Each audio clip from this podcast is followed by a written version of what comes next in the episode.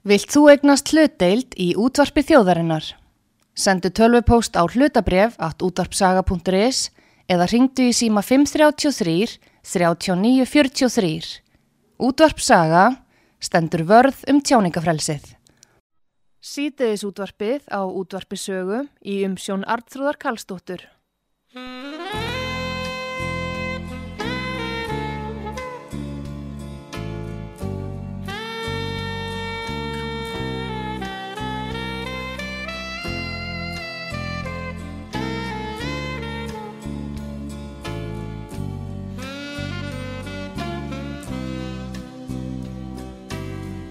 Drottin er minn hyrði Mig mun ekkert bresta á grænum grundum. Lætur hann mig kvílast Leiðir mig að vötnum. Þar sem ég má næði snjóta Hann hressir sál mína leiðir mig um réttan veg fyrir sakin nafsins jafnvel þótt ég fari um dimman dal ótast ég ekkert ílt því þú ert hjá mér. Sprotið þinn og stafur hugga mig Þú byr mér borð frammi fyrir fjendum mínum. Þú smyrð höfuð mitt með olíu. Byggar minn er barma fullur. Gæfa og náð fylgja mér Alla æfi daga mína og í húsi drottins býr langa æfi Drottin er minn hýrðir, mig mun ekkert bresta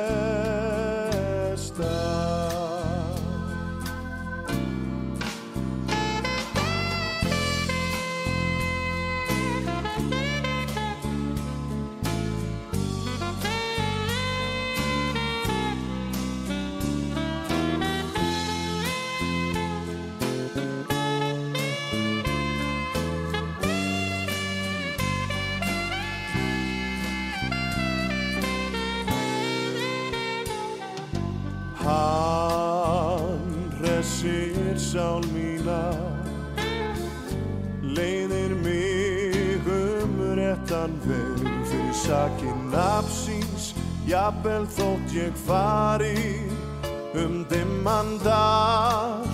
Ótast ég ekkert ílt því þú ert hjá mér. Sprotið þinn og stafur hugga mig Þú byr mér borð frammi fyrir fjendum Þú smyrð höfuð mitt með olíu. Byggar minn, hann flæðir yfir. Já, gæfa og náð fylgja mér. Alla æfi daga mína Í húsi drottins býi langa æfi Drottin er minn hyrðir Mig mun ekkert bresta.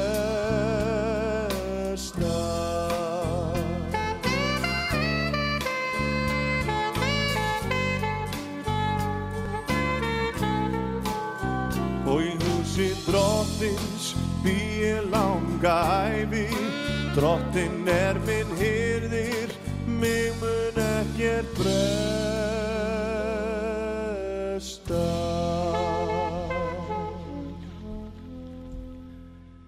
Já, komið þið sæl þegar hlusta út á sögu. Það eru geðheilbreyðismálinn sem er á dagskrá hérna hjá okkur núna í tilefni geðheilbreyðisdagsins og ég hef fengið til mín Ingibjörgu Helgu Baldustóttur kennara en uh, sonur hennar sem þá var tíu ára gamall í grunnskóla í Hafnafyrði uh, varð fyrir alvarlegu einelti sem að var til þess að hann tók sitt eigi líf aðeins nýjórðin 21 ás gamall. Við ætlum að fara yfir þessa sögu og hvað hefur við tekið vegna þess að það er nú staðrind að það er kannski ekkit erfera fyrir fólk en að grafa barni sitt. Og uh, síðan, er, uh, síðan frá þessu eru 11 ár og það hefur margt gerst í lífi Ingebjörgar Helgu. Sæl og blessu og velkomin á út að sögu. Já, takk kjörlega, sæl. Sæl, heyrðu, það er nú þetta að, sem ég er að segja, að sonurðinn Lárus, Já, hann er uh, tíu ára gammal, þið búið í var ný, eða þið voru nýflutt í bæinn, já, hann talaði mikla norlensku já, og, uh, og hérna, honum, hann verður fyrir stríðin í skólanum. Hvernig er þetta, byrjar þetta svona? þetta byrjaði þannig, já. En svo vatt þetta upp á sig. Hann var að byrja þannig í fymta bekk. Já, og margir sterkir einstaklingar í bekknum sem að erfiðlega hafði gengið að, að fást við. Já, og hann einhvern veginn bara lendi á svona þeirra á milli. já, Þannig að hann átti aldrei von. Þetta voru þrjú ár sem hann var hann í Öldatúnskóla og ég að berjast við skólan, samstarfið við reyna að fá kennarana með mér og fekk einn. Það Já. var svo sem tók við bekknum áður en við fórum. já, Mjög flott kona sem tók mig inn og við vorum með fræðslu erindi fyrir foreldrana að býða þá um að hjálpa. já, En á þessum tíma þá fer hann að verða hérna, þunglindur, fælinn, kvíðinn og hann var fleiri tugi daga frá skóla veikur heima, bara veikur. Þetta var ekki að hann væri að látast og vildi ekki fara, hann var, hann var bara veikur og fjárverandi og aldrei lísti, athugasemd hvernig það. lísti það sér? Í magapínu, höfuverk, sem sagt, það bara var svo margt sem að koma inn í. Hann náttúrulega svona vannlíðan brýtur fólk niður þannig Já. að, að það verður veitla fyrir öllu, Já, mótstaðan verður miklu minni. Já, og það er bara það sem að gerist hjá honum. En að lokum, ég vildi láta færa hann úr skólanum. Já. Þá er hann búin að vera hann í þrjú ár, uh, meira að minna verður fyrir stríðni. Já, og bara ofbeldi, þetta er hérna, bæði líkamlegt og andlegt ofbeldi sem Já. verður fyrir Hvernig, hvernig lísti það sér? Hvað gerðu krakkarnir? Krakkarnir? Já, Þau létu hann bara ekki í friði með eitt eða neitt, þannig að hann, hjólið hans var sparkað niður nýtt hjól sem hann fór, Já. fekk sem hérna, helviti strusla, uh, fötin hans hurfu, uh, taskan hans var kannski full af súri mjólk eða einhverju, um, hafa brotist inn á hann á klósettinu og hann, hann bara fekk hvergi frið. já, húan hans sett í klósti. Já, já, Já. bara nefndu það. Já, En svo þegar þegar hérna nú dætti út já, en það er einmitt þegar svona, þegar svona atbörðar á, á sér stað, það er líka bara fyrir sko bæði kennara og foreldra að átta sig á því, við byrju hvað er um að vera í raun og veru og, og, börnin kannski segja ekkit alltaf mikið frá. Hvernig var það hjá honum? Sáðan þið strax frá þessu eða fór hann að byrja þetta inni? Hann sagði ekki frá, það var ég sem að áttaði með á því að það var ekki allt í lægi já, og ég fór bara upp í skóla og fylgdist með fyrir utan eins og í fríminútum mm hann var svo óheppinn að fyrsti kennarinn sem hann fekk var hérna afneitaði því að það væri nokkuð að í hennabekk og Já. krakkarnir væri góði við hann og það allt saman. En svo bara kom upp úr durnum að einhver tíma þegar að nýji kennarinnars kom að Já. þá voru þau í hóp í kringum hann við borðið að rakka niður og hann grátandi. Og þá sá hún bara hvers slags viðbjóður var í gangi þarna. En ég, sem sagt, ég vildi taka hann úr skólanum og það var ekki leiðilegt en vegna þess hvernig ástandi var og ég var búinn, ég var í kennaraháskólanum á þessum tíma. Já, og ég var í satt fyrirlestra hjá Guðjóni eineltisfrömmuði og ég fekk hann til að hjálpa mér. Já, Þannig að hann fóð með mér upp í skóla já, að lokum. Þetta, þetta er land og mikið stríð. Já, og ég hérna, skrifaði í blöðin, ég gerði allt sem ég gat til þess að laga ástandið Já. og þarna var ég komin í þann áðanstað að vilja bara taka hann í burtu. já, Og þá fór hann með mér upp í skóla að hitta skólastjóran sem að byrjaði á því að afsaka sig með það að hann vissi bara nákvæmlega ekkert hvað væri í gangi eða hvað var að gerast en hún þætti leitt að heyra hver staðan væri já. Hvað var þetta búið að vera lengi í gangi þá? þrjú ár. Þá er þetta búið að vera í þrjú ár. Já. Og ekki leifilegt að færa börn á milli skóla nema þarna að þá er ekkert annað í stöðunni. Þú veist, þetta var komið heima dýrum Mhm. og hérna, Kristján Stefán bróðin hans farin að verða fyrir þessum vörgum líka. Aðkasti líka, já, Já. já, já, já. Þannig að Láru Stefán, hann, ég, ég vildi færa hann á milli skóla en Guðjón sagði að það væri ekki hérna, gerlegt því að þetta myndi bara fylgjónum. Já, og hann tæki vandamáli með sér. Með. Já, og þegar það var komið í ljós, þá var ég búin að kynna mér engaskólan, tjarnarskóla Já, og ég vildi þá bara að hann færi þangað og fengi það besta sem að væri hægt að það er bjóða honum. nefnilega þekktu skóli fyrir að vera góður skóli. Já, alveg frábær. Afskaplega góðu kennarar þar og, Já. Já, Hann kom þangað í áttundabekk já, og hann fekk að vera bara á eigin fórsendum. Hann var fælinn. já, Hann er hérna, þetta er glæðlindur strákur, mikill prakkari og skemmtilegur. já, En námið eh, sko, skilaði sér ekki þar sem, í Hafnafyrir þar sem honum leið svo illa. Það er bara sanna mál að ef að, ef að börnum líður illa í skóla þá eru þau ekki að ná árangri eða læra. já, Það fer bara í vanlíðan. já.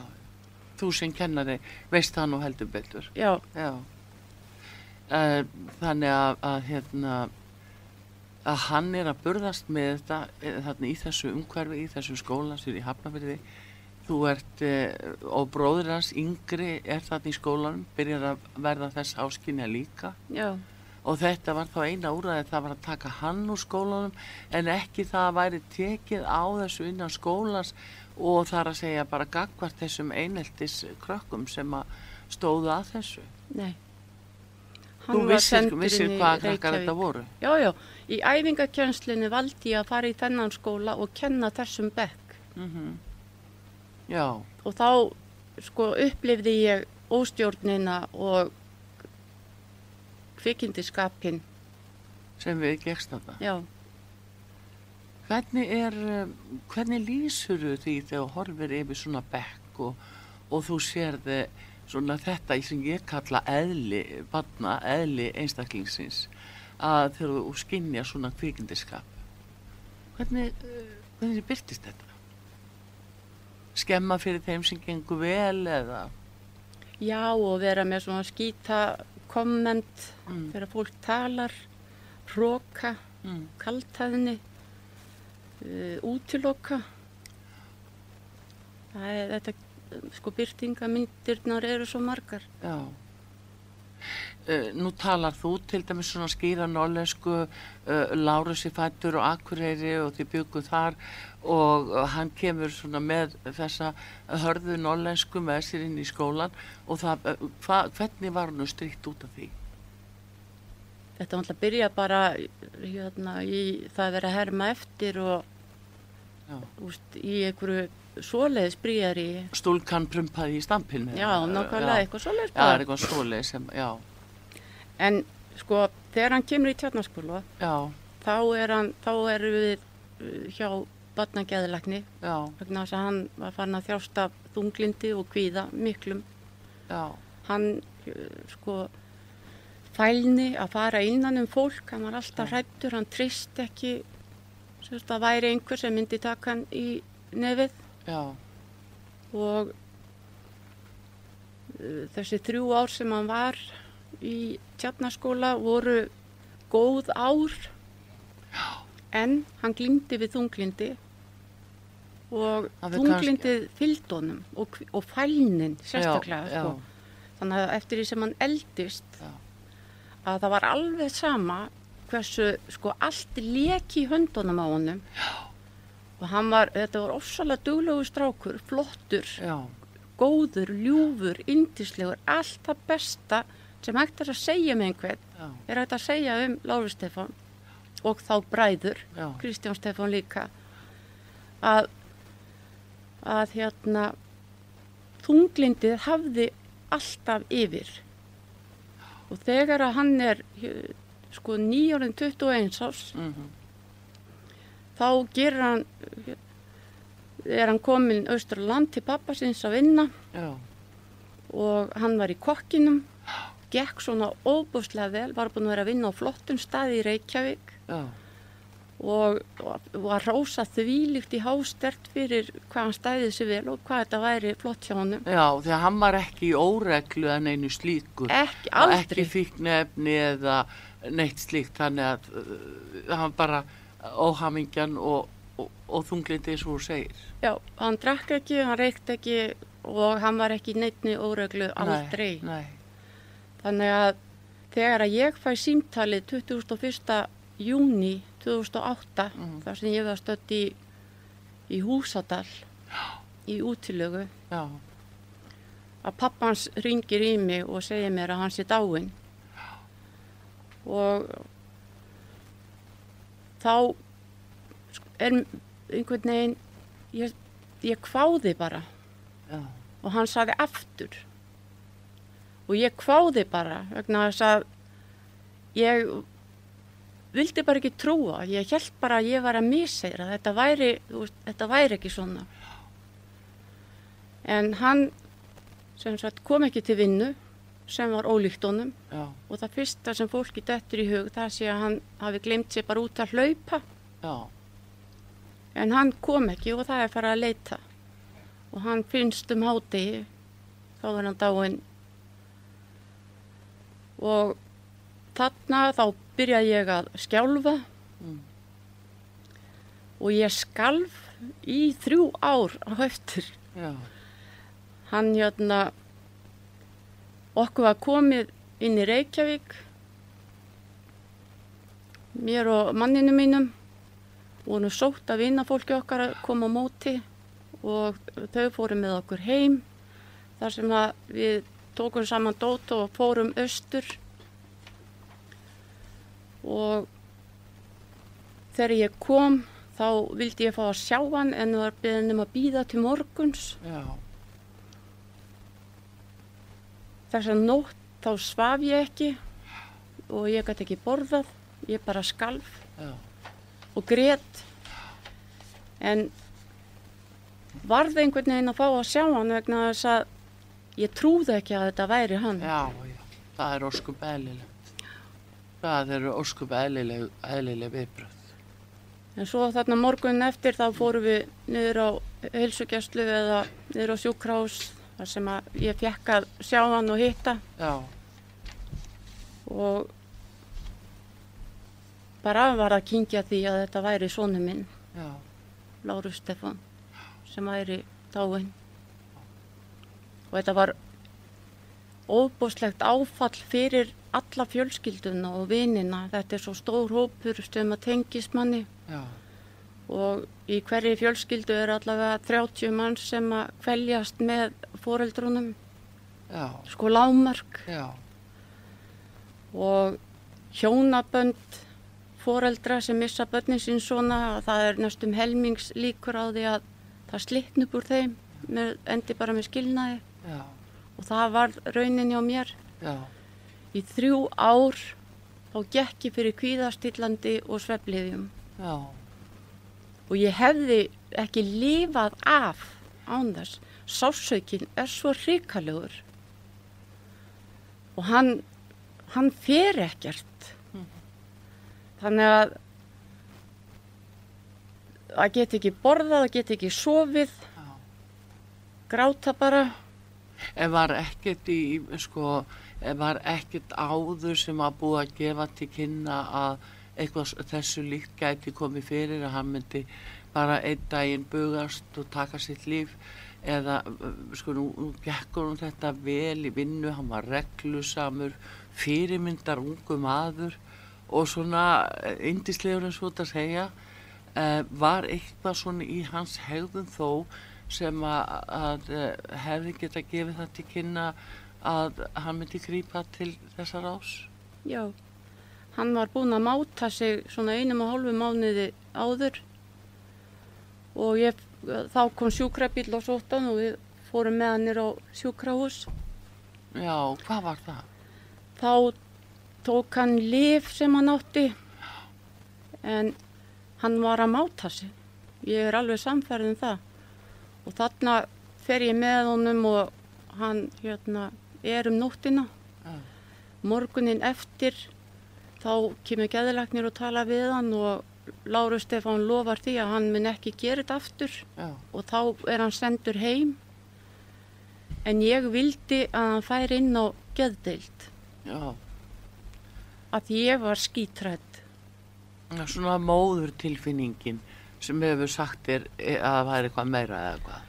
Já og líka bara þessum dreng var búið að líða svo lengi ítla Já, að þarna þegar hann gerir þetta að þá einhvern veginn var ég bara döðrættum að það kæmi eitthvað annað. já, já.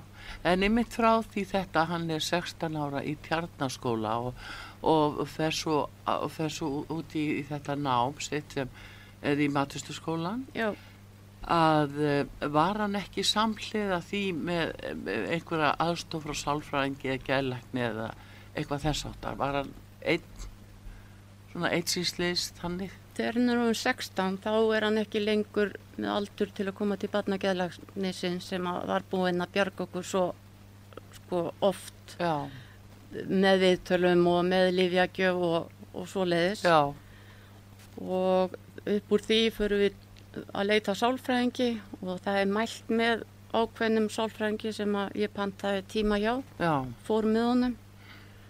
En sko Lárusi Stefáni leist ekki á hann mm, og mér leist ekki heldur á hann. Ég saði ekki einasta orð. Mm, en hann vildi ekki fara. Þá bara já og þá er ekki hægt að neyða hann til þess. Nei, nei, þannig að það eiginlega datt upp fyrir. Já. En e, þannig að hann e, heldur bara áfram, en þannig að þú kannski veist ekkit hvað var að svona gerjast innra með honum, þessi sársöki, verða fyrir þessari stríðni, fara með þessi skilabó út í lífið að, að hann sé aðeins eitthvað öðruvísi eða eitthvað þess áttar, að komið þannig fram við hann þó að væri ekki þannig. já, aldils ekki.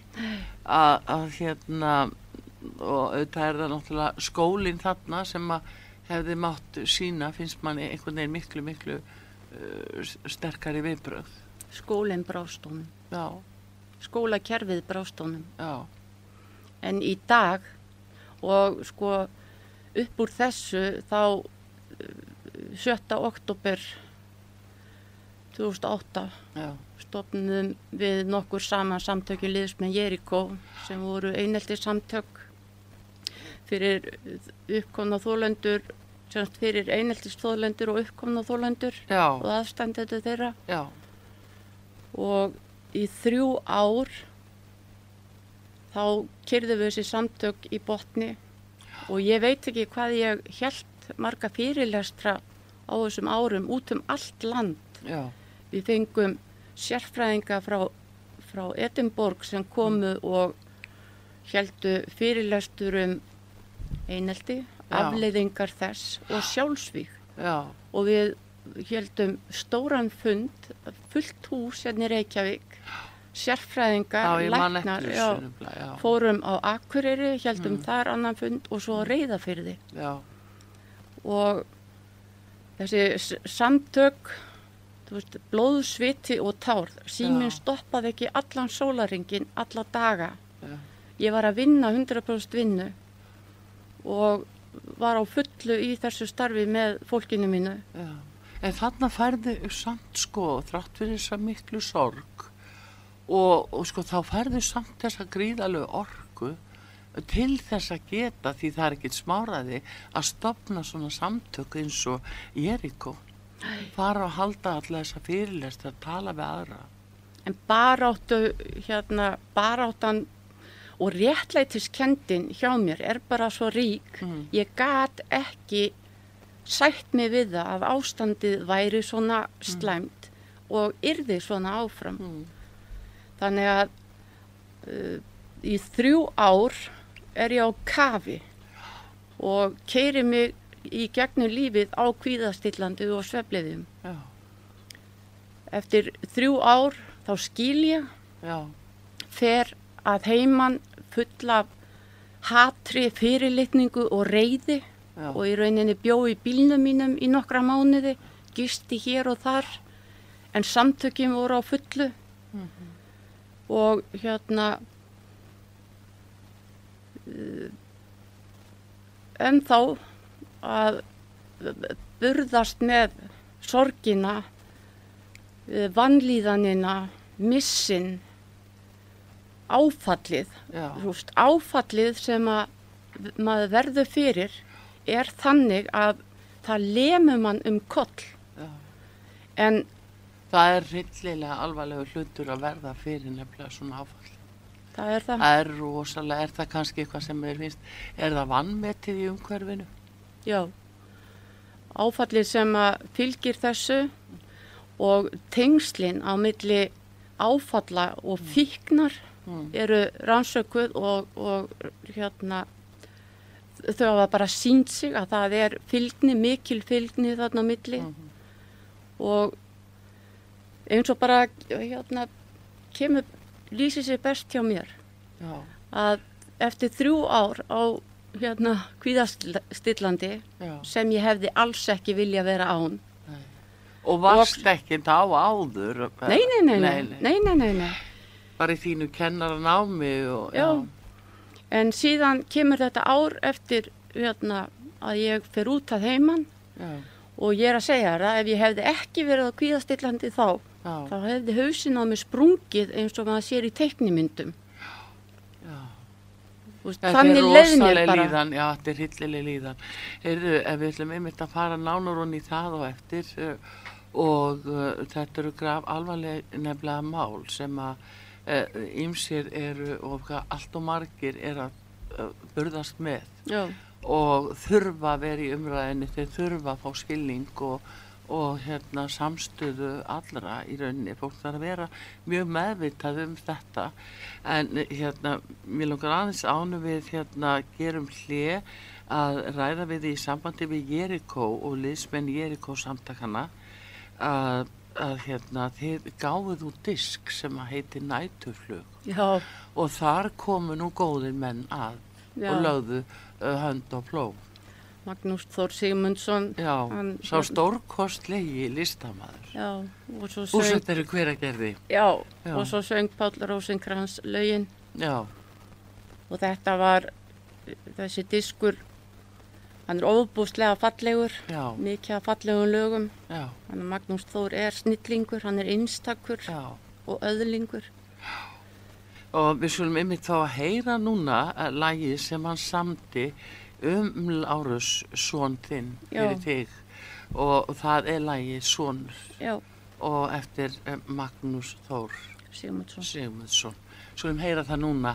En hér hjá mér er Ingibjörg Helga Baldurstóttir kennari og hún er móðir eh, Lárusar Stefáns Þráinssonar sem að fjall fyrir eigin hendi 21 og skamall en hann hafði orðið fyrir gríðarlega alvarlegu einelti frá 10 ára aldri í grunnskóla í Hafnafjörði.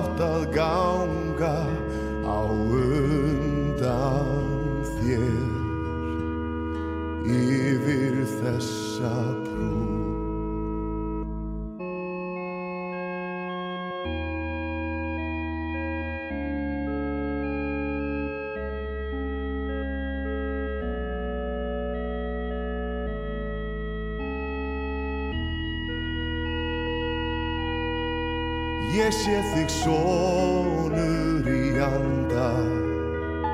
Standa mér enn við hlið. Þú var svo glaðvær og sterkur. Er gleðin sér leg okkur við? Ég býð að ljósi þér Áfram lýsi Svo leiðin verði vís Þar sem nótt er ein ein Þar sem nýr dagur rís. Þar sem sál þín fær frelsi og frið. Þar sem nótt er ein ein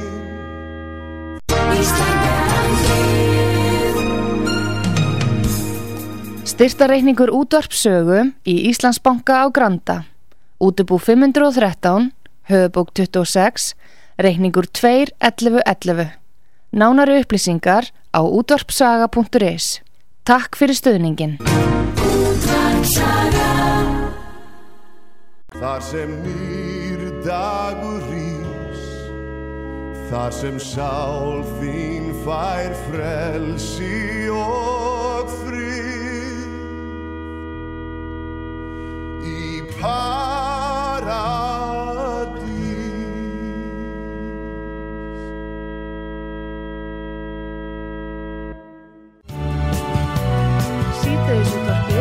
Útvarpisögu í umsjón Arnþróðar Karlsdóttur.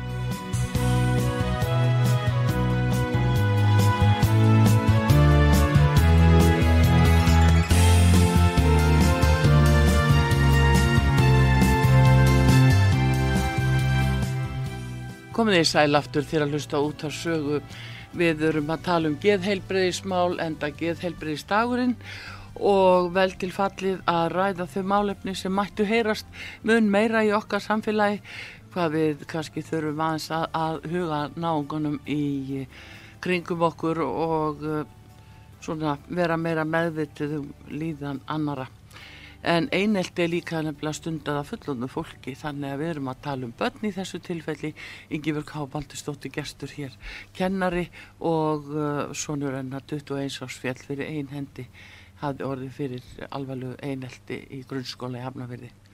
Farðu síðan yfir í uh, kjarnaskóli Reykjavík og uh, gekk vel, algjörlega reglusamur, var að læra að verða maturslumæður þegar að sorgin bundi yfir Já, og lifa búið. En yfir þetta enga að það er, við erum að tala um, þú stopnar í kjölfar þessa Jericho samtökin liðsmenn Jericho, við hlustum við mitt á lægið, hérna, sonur áðan eftir Magnús Þór Sigmundsson já, af eh, diskinum uh, Næturflög og það er svona rétt að segja fólki að þessi diskur er nú kannski ekki einhver staðar til sölu en spurning hvort það geti leitað að þessu lægi inn á Spotify eða eitthvað álíka en það kannski er eitthvað sem að þarf að skoða ef að fólk vil ná sér í þennan disk. já, við þurfum að, þá setjum við það í nefnd. Já, það þarf að fara í nefnd Já. en óhemji mikið dugnaður sem að tekur við hjá þér en þú eins og lýsir þessu þú ert í áfalli alveg í þrjú ár. Þú ert að nota uh, kvíðastillandi lif og svefli bara til þess að þrauka einhvern veginn. Já, og þetta leiði til uh, uh, samvistaslita á milli þín og þáverandi eigimann sem að var náttúrulega stjúpsonur. Nei stjúpappi þessa drengs Lárusa Stefáns. Já. hvernig um, svona hvernig gerðist það í ykkar sambandi þegar þetta, þessir erfileika koma upp? Núna svo stundum er sagt já þetta, þetta er nú ekki batni mitt sko þetta er bara batni þitt. Mm. þetta eru þín vandamál þetta er batni þitt. Þetta er nú alltaf svolítið erfitt þegar uh, fólk gengur öðrum börnum eða annar manna börnum í móður eða föðustad hvernig var þetta hjá þér? Hvernig svona var hann kakvart þessu þegar þessi, þessi einelti smál koma upp í, í Hafnarfjörði Það kom honum ekkit við. Veist, hann hafði ekkit í það að gera. Nei. Og var þetta þá bara sonur þinn já, og ég að berjast. já, Það var ekki fyrir en það var í eitt skipti sem var ráðist á hann á götu þar sem hann var með hérna, hjólabretti og átt að hérna, taka það af honum og þú veist, hann var lamin með því já, að þá fór hann á stað. En annars var þetta bara ég sem að var að berjast. já, Það var bara þannig. já en eh, eftir að hann er dáinn, hann Láru Stefán og það búið jarðan og, og þú ert að stopna í mitt annað Jeriko og annað uh, hvernig var, hvernig fór ykkar samband að, að riðlast í sundur á hverju fóru þið frá hvort öðru eftir þetta Þetta var bara svo einfalt. Ég, það hlóðst upp í mér uh, reyði, fyrirlitning og hatur mm. í hans skarð fyrir hvernig hann hafði komið fram við strákana. Og ég gati ekki fyrirgeða hann það. Þannig að, já, einn daginn var ég bara farin, skildi eftir bréf. fannst þér þá eins og þetta væri honum að kenna að svona hefði farið Nei, ég var, kendi honum ekkert um það en hann átti hérna sitt, já, sinn þátt, skilningsleysi, uh, var ekki samkvæmur sjálfum sér. Það var bara svo margt að hróki, andlegt ofbeldi. Þetta er nefnilega, ég endur tek, þetta er alveg stór mál að þeirra konur eru kannski einar með börn og uh, svo taka þær sama við einhvern sem ætlar að ganga börnunum þeirra í föðustad og sér síðan alveg öfugt þegar konur er að hlutamáli.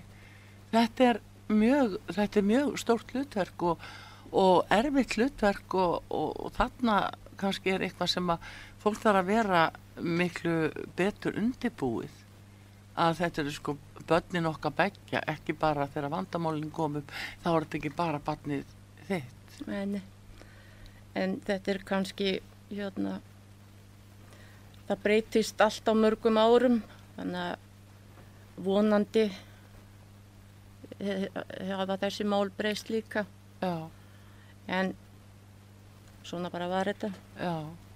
Við erum samt að sjá í fréttum bara stöðu, það er stöðu að koma upp málu uh, þar sem að akkurat, það eru bara brotin heimili uh, meðal annars vegna þess að, uh, sko foreldrum, lóðforeldri ásamt uh, nýjum maka, þau gangi ekki í takt í barnauppeldi. Nei, Þannig að, að það, það eru, það er sko aldrei til dæmis fyrir jafn mikið um fíknefnaneyslu og, og erfileika þar sem að eru sko svona tegufjölskyldur annars vegar.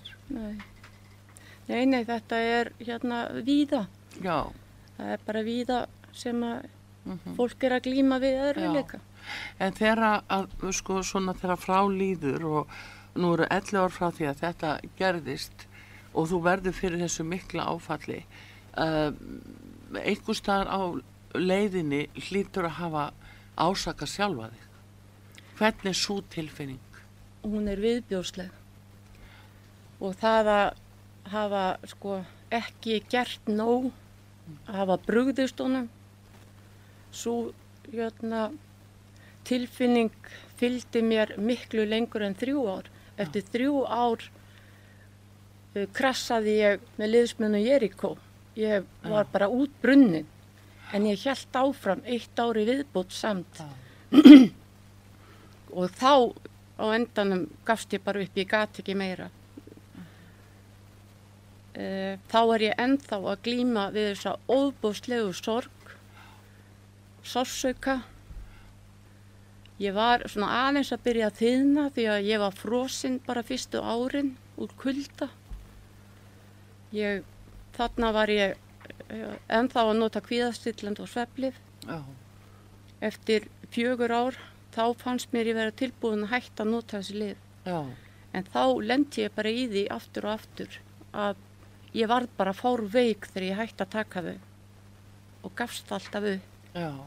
Fannst þér þá, um, sko heldist það yfir þig þannig og gætir ekki unnið eða fórst að loka þig af eða áttur erfitt með að tala við fólk eða hvernig byrtist það þegar þú skinjar að það var að hellast yfir því svona mikil sorg aftur? Ja, frákvörfin af livjónum, þau eru, eru hryllingur. Og þá bara hríðskalf ég í kvíðakasti, Mhm. gæti ekki borðað, frosinn Já. með brjósviða dauðans. Og var svo að mæta í vinnu og vinna. Þetta var bara, þetta var bara skelvilegt en eftir sjö ár, sko eftir sjö ár Já, þá skráði ég minna vóg já. til að hætta þessu. Varstu, já, þá, það bara að reyna til þess að ná livjónum af þér. Já, Já, já. ég var í meðferð í 60 daga. Ég var 30 eitthvað daginn á vogi og svo fulla meðferð á vík á eftir. Já, Þannig að eins og þessi lif björguðu lífið mínu, já, þá var þetta sami hryllingurinn að losna við þau aftur. já. Það er bara, sko, ég hefði ekki En þau geta lifað verið af. naus, alveg lífsnausileg í skamman tíma við, við svona aðstæður. Já, já. Og, og hjálpa fólki Já, verulega. ímislegt. Já. En svo, hérna, En hvernig var það? Hvern, hvernig var hægt að, eila, já, hvernig var, gast, hvernig gekkur að fara út úr því og, og svona, sástu þetta mál það upp og, með einhverjum öðrum augum eða fóru að opnast fyrir einhverja nýjar vítir í þessu? nei, nei, bara ennþá meiri sásveiki. Já. Bara botlaus sásveiki. Veistu hvað það var? Á hverju var sér sásöki? Varst að kenna Ú- þér um? Ég kendi mér um, já, já, já, já. Fyrst að hann dó, þá var það mér að kenna. Ég, Mhm. mér tókst ekki honum á lífi. Það var mér Þá væri erfiðast. hverginari eða neitt slíkt. Nei. Já. Og það bara, þetta sko, þegar fólk heldur að þetta jafni sig á einu ári, eins og ég til dæmis þurfti að hlusta á heima hjá mér, Já. eftir eitt ár að þá var Inga ekki að jafna sig. Þú veist, það var bara að nú eru 11 ár liðin frá því að Láru Stefán tók líf sitt. Já. Og ég er ennþá að berjast við sorg og söknuð, berjast við að hugsa til þessa tíma, aftur í tíman, Já. fara yfir það sem gerðist. Og það verður ekkert frá mér tekið. Þetta er bara partur af mínu lífi. Að vissu leiti þá dó einhver hluti í mér þegar að hann dó. Og svo staða sem er á mér í dag, ég hefði ekki trúa því fyrir sjö árum að ég ætti eftir að vera á þessum stað. Af því að ég held ég myndi aldrei jafna mig á þessu. Ég held að þetta myndi aldrei lagast, en það gerði það. Mm. Og sko, þegar að vera að tala um hérna, tengsla milli áfell, áfalla og fíknar, að þá til dæmis fyrir fjórum árum síðan, þá tók ég þá frábæru meðvituðu ákvörðun um að byrja að drekka. Ha, Já, ég ákvað það að byrja að drekka. Og ég losna við finn ekki neitt. Ég fann svo til að ég, ég gat ekki verið í þessum sásauka. En þá ertu hægt að, hægt að taka sér lif Já, já, og, þá, já, og, og, og búin að vera og, svona í lífinu þannig. Já, En þá bara tekur, tekur þessi meðvitað ákvörðin eða, eða bara leiðistu hægt og pítandi ég ákvaði þetta þar sem ég satt út í sólinni já, að ég ætlaði að byrja að drekka og ég ætlaði bara að drekka hérna til að finna ekki neitt. Og ég byrjaði bara á því. Og eins og allt annað sem ég tek mér fyrir hendur þá ger ég það af fullum krafti og þunga. Og þarna þá bara drekki á hverjum degi í tvö ár. Og uh, það er sagt Varstu að ein eða fjöxtu, uh, gafst ekki leita til geðlæknis eða sálfræðings eða tala við einhvern sem gæti uh, eitthvað stutti?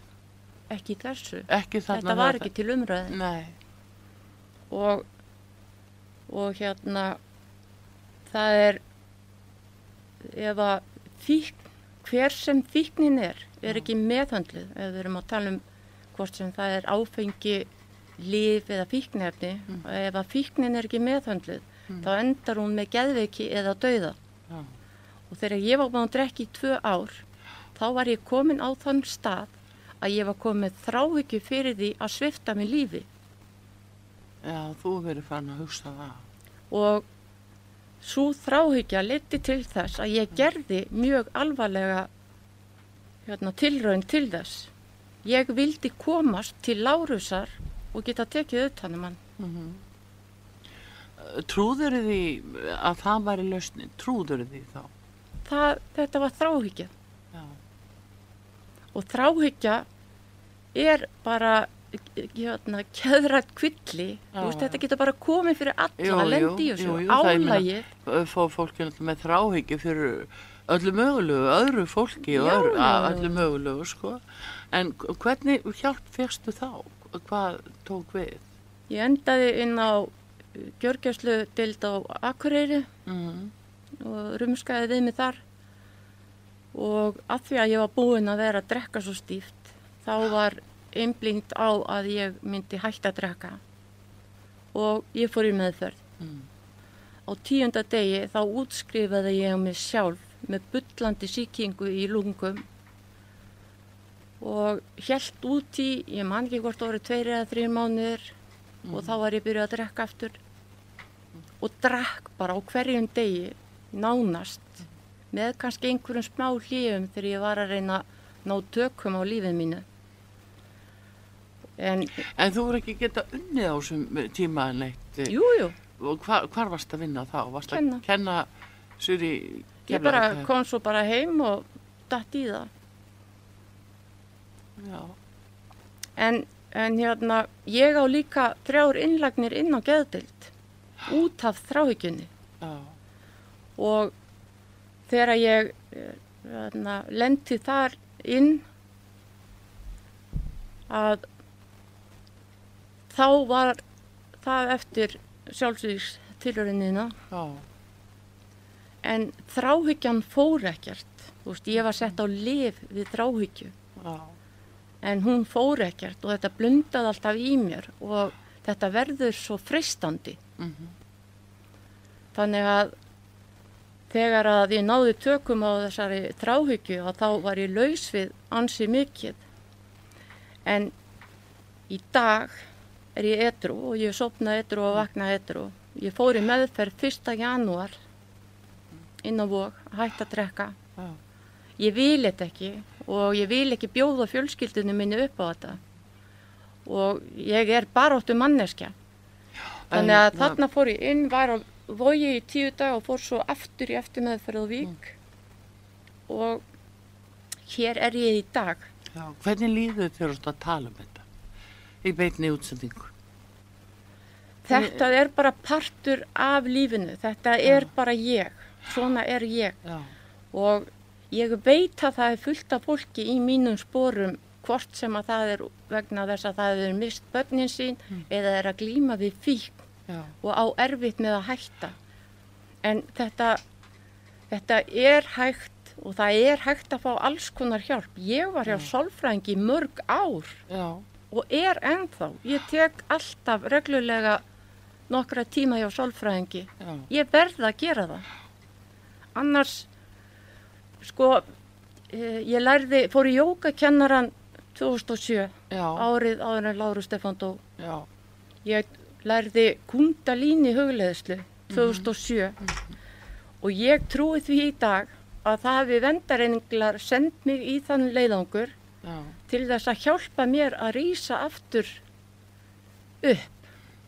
Því að ef að ég næði ekki að hjartengja mig, þá er ég bara ennþá að sulla í glasi. já. Ef ég næði ekki, En það þetta að sko að verða fyrir svona gríðalögu áfalli eins og í þínu tilfelli að missa svoðin og við þessar aðstæður og alveg sama hvernig þessar aðstæður eru þetta er náttúrulega bara svo gríðalegu missir fyrir einstaklingin að, eh, að halda það út og geta sko eins og stundum er sagt lífið heldur áfram. Og uh, prestandi gjarnan segja það ef fólk þeirra að jarða lífið heldur svo áfram.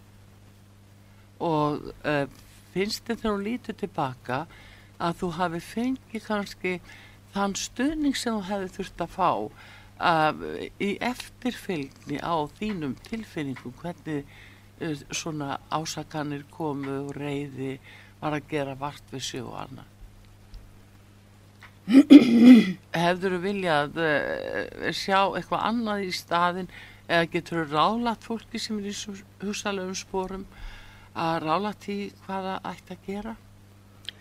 sko, eh, fyrir það fyrsta þá var ég með frábæran prest sem að jarðaði Láru Stefán, Já, Sigrún Óskarsdóttir.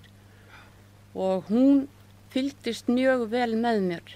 já, Þegar að eftir svona 8-9 mánuði þá getur þú komist inn á námskeið sem sagt fyrir aðstandendur einstaklinga sem hafa mist í sjálfsvíi mm, og þá er það prestur og djákni jafnvel sem að leiða þessi námskeið já, og ég fór á tvö námskeið. Og ég, mér er svo minnistætt maðurinn minn fór með mér í fyrsta tíma já, svo vildi hann ekki koma aftur með mér. Þannig að ég fór einn og mér En var fannst það það svo gott? Nei, var ekki gott að fara á sín ámskip? Jú, að sjálfsögðu. Og ég er ennþá í sambandi við þetta fólk. Einmitt. En fannst þér svona, og jafnvel enn í dag, fólk vera svona eitthvað feimið og óraugt um hvernig það í að tala um þetta við þig, forðast að ræða hans eh, fráfall? fólk kvíslar sjálfsvíg Já, það kvísla. þegar ég er nálægt Mm og en ég er opinn fyrir þessari umræðu Mhm. ég vil láta gott að mig leiða ég vil geta lagt til orð ef að ég á til orð. Já, og það er eins og eftir eftir svona missi. Já, fólk veit ekki hvað það á að segja já, þú veist við mig. Og þá bara að segja ég veit ekki hvað ég á að segja. Það þarf ekki að koma með einhverja speki eins og hvort það sé ekki farið að gróa yfir sárið eða eitthvað svoleiðis sem er náttúrulega bara fáránlegt mánuði síðar eða eitthvað svoleiðis. Já, já. En það er eflust að því að fólk bara veit ekki hvað. Það veit ekki hvað á að Það er óörugt gagvart í sko, rætt við að, að særa eða segja eitthvað vittlaust og, og, og það er allt það líka. Já. En ég fór líka fljótlega til sálfræðings, frábærs sálfræðings sem að hjálpaði mér mikið. Þannig að ég var hjá honum í mörg ár. Já, en hérna, uh, við skulum núna, Inga, ég ætla að bjóða hlustendum upp á það sem er að hlusta núna. Ég ætla að bjóða þeim upp á það að ringja hingað inn í útsendinguna og koma með uh, spurningar til þín uh, um þetta málefni og jáfnvel ef að fólk vil líka segja frá því sem það er að gangi gegnum eða hefur gengið gegnum á svipuðum nótum að, að missa batni sitt eða svona nákomin aðila sem að eða það finnur svona til ennþá að vegna þess að, að þetta er svona kannski sásauki út lífið Það er það. já, Það er það. Það, sko, ég elskaði þennan dreng eins og lífið og elskan ennþá jafn heitt. Það breytir því ekkert. Hann er svona minn, hann er, verður alltaf svona minn og ég mun alltaf elska hann jafn heitt. Já, Og ég til dæmis hérna, ætlaði að segja það við þið áðan þegar þú varst að tala um uh, eins og bara ásakanir og svona. Já, að ég var alltaf með svo miklar áhyggjur af Kristján Stefáni, yngri stráknum vegna þess að fyrir honum var þetta ríkalegt áfall. Já, og ég hafði svo miklar áhyggjur af honum hvernig hann kæmi út fyrir. Já, Ég var svo hrætt. já, það er ósku bellett. En nú hefur honum gengið svona gríðarlega vel og hann blómstrar í dag. Hann er alveg einstakur, Já, flottur. Já, flottur. Við sendum nú góðar kveðjur austur á Egilstaði eða í Hallómstað. Já, Er það ekki? og saltið á á. Egilstöðum uh, til hans svo sannarlega og margra annara auðvitað sem að er í svipuðum spórum en við ætlum sérst hér og eftir að bjóða hlustundum hér að ringin í útsendingu átarpi sögu. 588-1994 er síminn hennar hjá okkur í útsendingunni. Og uh, já, 588-1994 ef þið viljið ræða þetta mál. Ef við ætlum að fá að heyra í uh, söngununni Dönu Vinner og hún allar að flytja fyrir okkur lægið Crying en síðan komum við aftur verðum við opinn síma hér. Ingibjörg Helga Baldursdóttir kennari er að segja sögu sína. En hún misti són sinn 21 árs sem fjall fyrir eigin hendi í kjölfar eineltis. Að hlusta út á sögu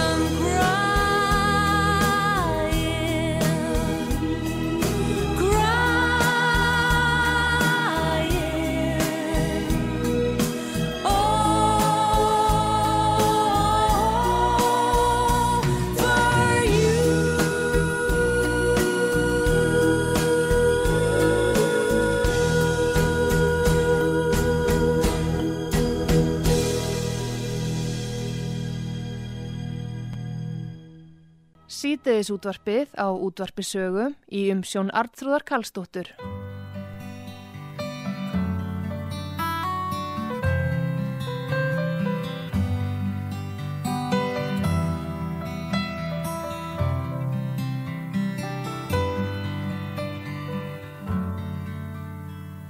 Sólinn brennir nóttina og nóttin slökkvir dag. Þú ert atkvar mitt fyrir og eftir sólalag. Þú ert yndi mitt áður og eftir að dagur ís. Svölun í sumarsins eldi og sólbráð á vetrarins ís svali á sumardögum og sólskinum vetranum þögn í seiðandi solli og söngur ef allt er hljó söngur í þöglum skólum og þögn í borgarna dyr. Þú gafst mér jörðina og grasi og guð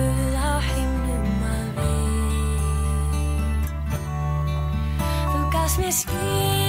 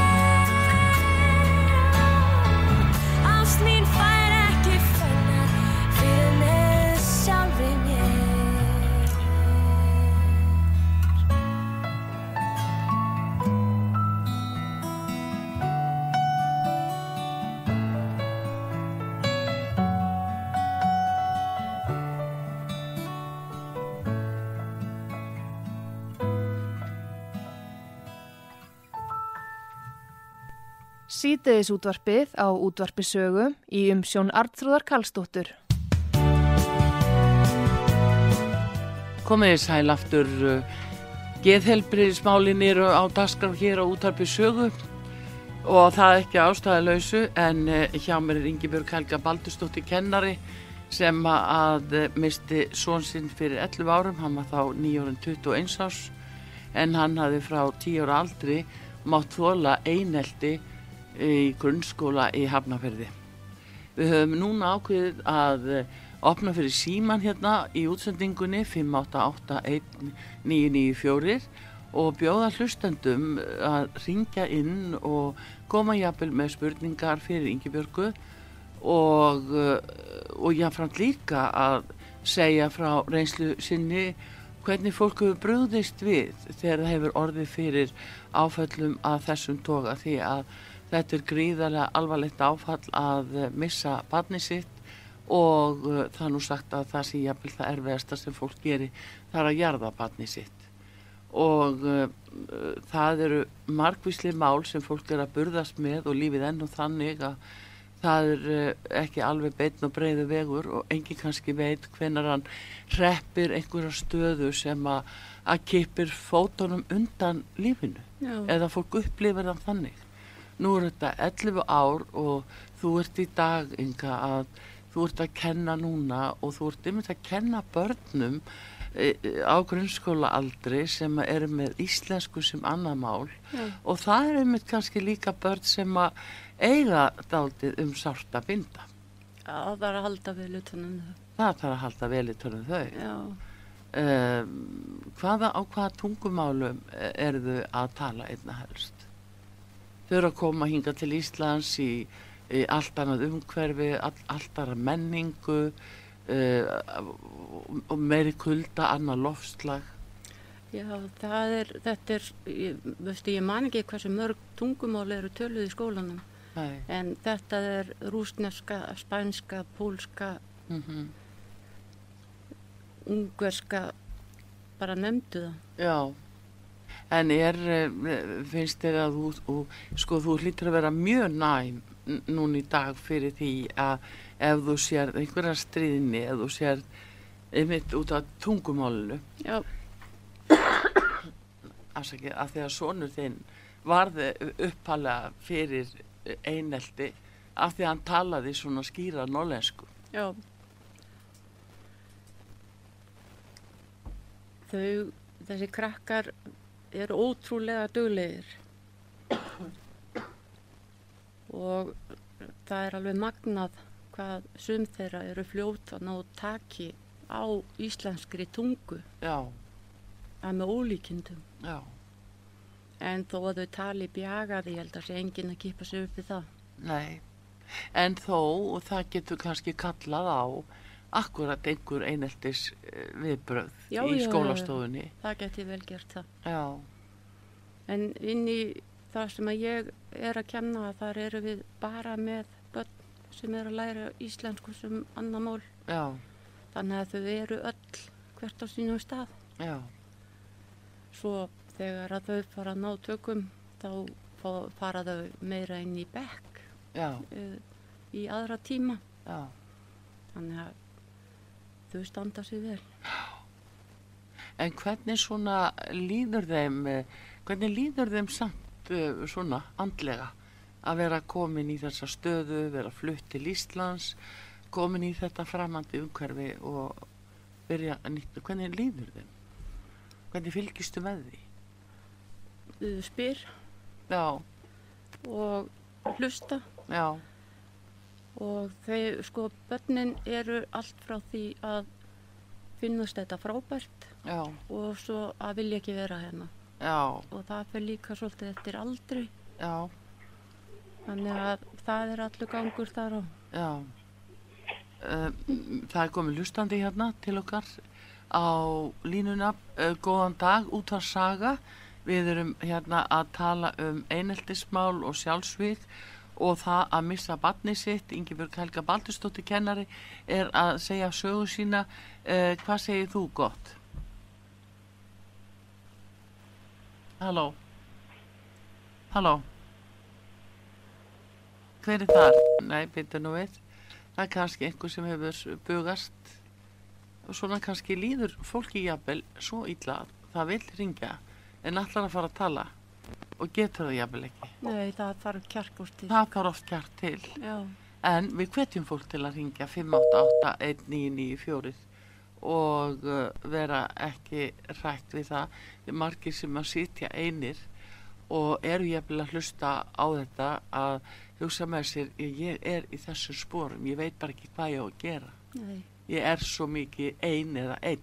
já, Þetta gildir alveg jæmt fyrir uh, bæði kynnin, svo sannarlega. já, það gerir það Já, en uh, við skulum sjá uh, hvort að við skulum prófa hérna núna. Góðan dag, út af saga. 588-1994. Erið þú varst að segja hérna áðan, við skulum bara halda áfram að, að tala og sjá hvað hva gerist. Já. En hérna, e, þegar börn svona, þú skynjar að það er einhver börn sem vilja ekki vera hérna. Já, Þá- þau segja það bara. Já, hvað er þau þá? Er það einhver ákveðin aldur eða Það er þessi elstu, þessi elstu? já. Uh, En það er ekkit öll, það er bara, þú veist, það er bara þetta allt frá því að finnast þetta frábært Já, og svo upp í það að vilja ekki vera hérna. já, ekki á Íslandi. Vilja bara fara aftur heim. Já, en hvað hefur grænslast fyrir um hvað veldur því? Söknuður í heimalandi Já, og þar sem þau hafa þar. já, kannski ömmu og afa eða fjölskyldu eða Mhm, gamla vina. Já, sem er skiljanlegt, já, komin langa leið. já, þetta er meiri rétt að segja það. Já, En uh, góðan dag út að saga. Já, góðan daginn. Góðan daginn, Góðan daginn. hvað segir þú? Það hérna, ég segi svona svo allt með þeim hægt. Ég sagði að þið voru að tala um einmannaleika. Já, í vissum skilningi, við vorum að tala um það skal Já. ég segja þér að uh, hér er hjá mér uh, kennari sem heitir Ingibjörg Helga Baldursdóttir og hún misti són sinn uh, fyrir 11 árum þegar hann var 21 ás en hann hafði orðið fyrir gríðalegu einelti í grunnskóla Já, og við erum er- eiginlega að tala dálítið um hvað það er alvarlegur hlutur, sko, það, þetta er bannvænt að verða fyrir einelti. jú, jú, það getur verið það. Já, Uh, það er náttúrulega einelti, náttúrulega, er náttúrulega vandamál, náttúrulega nútíma vandamál, náttúrulega hjá í okkar nútíma samfélagi. Hefur svo sem alltaf örgla alltaf fyllt okkur. En uh, hvað maður að segja, ég meina, uh, það getur verið svo margs konar einelti, náttúrulega. já, En, en einelti náttúrulega, ég myndi halda það að náttúrulega að, já, þess að, að, að ef, ef enginn gerir ekki neitt með barninu sem er óþroska þá náttúrulega og er að mótast upp og þá náttúrulega getur þetta náttúrulega orsaka það að, barnin gerir eitthvað. já. Þannig að- Meinar Já. þá að það sé svona mikið eitt einhvern veginn og upplifir sér aleitt í, Já, við erfiðar aðstæður? já, Já, ná, það er, þekkir þú, Það er- þekkir þú þetta eh, einhvern veginn? ég, ég, já, ég kannast aðeins við þetta eh, bara út frá sjálfum mér í bensku. Já, En uh, ég fekk, ég fekk viðeigandi aðstof þannig að, að, að, að hjálpaði til. já. Varstu eitthvað tekin svona fyrir eh, af einhverjum Já, ástæðum? já, ég, ég, já, já, ég var tekinn fyrir. Það var, það var uh, náttúrulega, maður var með lestarörðuleika og þess að manni var stríkt og annað og, og þannig að þetta var svona, já, það maður lendi alveg í í ýmsu. Já, Já, já, en hvernig gekk þér svona að, að vinna úr því svona þegar þú varðst eldri til dæmis? Sækir þetta að þér svona í dag eða ertu meira... það get, getur komið smá stundum í mann, það getur Já. komið smá svona reyði og ímislegt og, Já, og svona, já, eins og stundum að maður vantristi og annað, já, horfir á ýmsa hættur og annað náttúrulega. En, en, en eins og ég segi, það er uh, sjálfsýrshugsanir og eitthvað svo leið. Það er náttúrulega eitthvað sem kemur ekki hjá mann í dag. En, en það er náttúrulega hættan við kannski hjá þessum krökkum sem lendi í þessu. Að Já. það hugsar, skilur, það er oft náttúrulega að leita eftir aðstofa hjálp náttúrulega. Já, það er verið að kalla á hjálp. Já, já, Já, það sótti það að þér þegar þú varst, varst fyrir þessu ungur? já, já. Það kom alveg fyrir. Já, já. Hvað varstu gamall?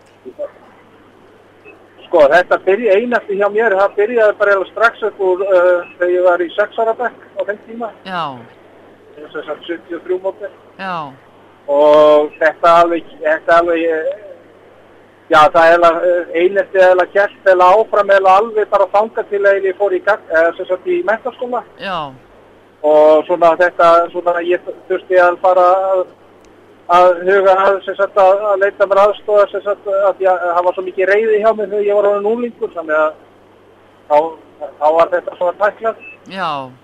Hvernig braust reyðin út hjá þér? hún gætt komið út sko margvíslega, bæði náttúrulega í þunglindi og, og síðan náttúrulega bæði að það er einhverja mótbárur og þá, gæti verið bara slæmur, þá gæti bara lamið frá mér. Já.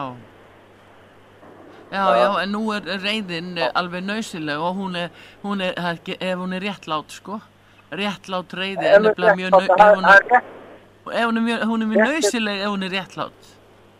Já, það er réttlættir aldrei, það skiptir ekki máli hvernig, hvernig þú rétt, þú réttlættir aldrei að berja viðkomandi sama hversu uh, ruggla er sem er, uh, játar á þig. Nei, nei, nei, nei, Það- er, það skadar alla aðila, hvort sem það er gerandin eða þólandi. já, en hún er kannski mikilvæg, sko, gagvart þeim sem að, að að við réttan aðila á réttum tíma af réttri ástæðu. Það, Jú, jú, þá er hún kannski, jú, jú. réttlætanleg, sko. Jú, jú, jú, Já. jú, vissulega. En uh, það- uh, þú er svona þokkalega sann sáttur í dag. Hvað finnst þér ég, með þessa sögu hjá segja henni það. Ingibjörg og heyrður hvernig hún var að lýsa þessu? ég nefnilega, sko var að, ég var einmitt að ná, bara ná okkur í sambandi, ég náði ekki að byrja um alveg hjá okkur sko, þannig að ég misti svolítið að hlutanum sko.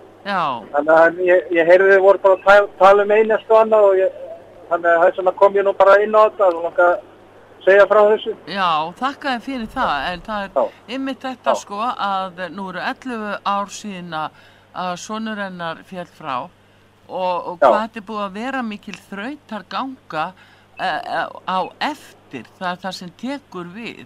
Það er svo vannmetið að verða fyrir svona alvarlegu áfelli.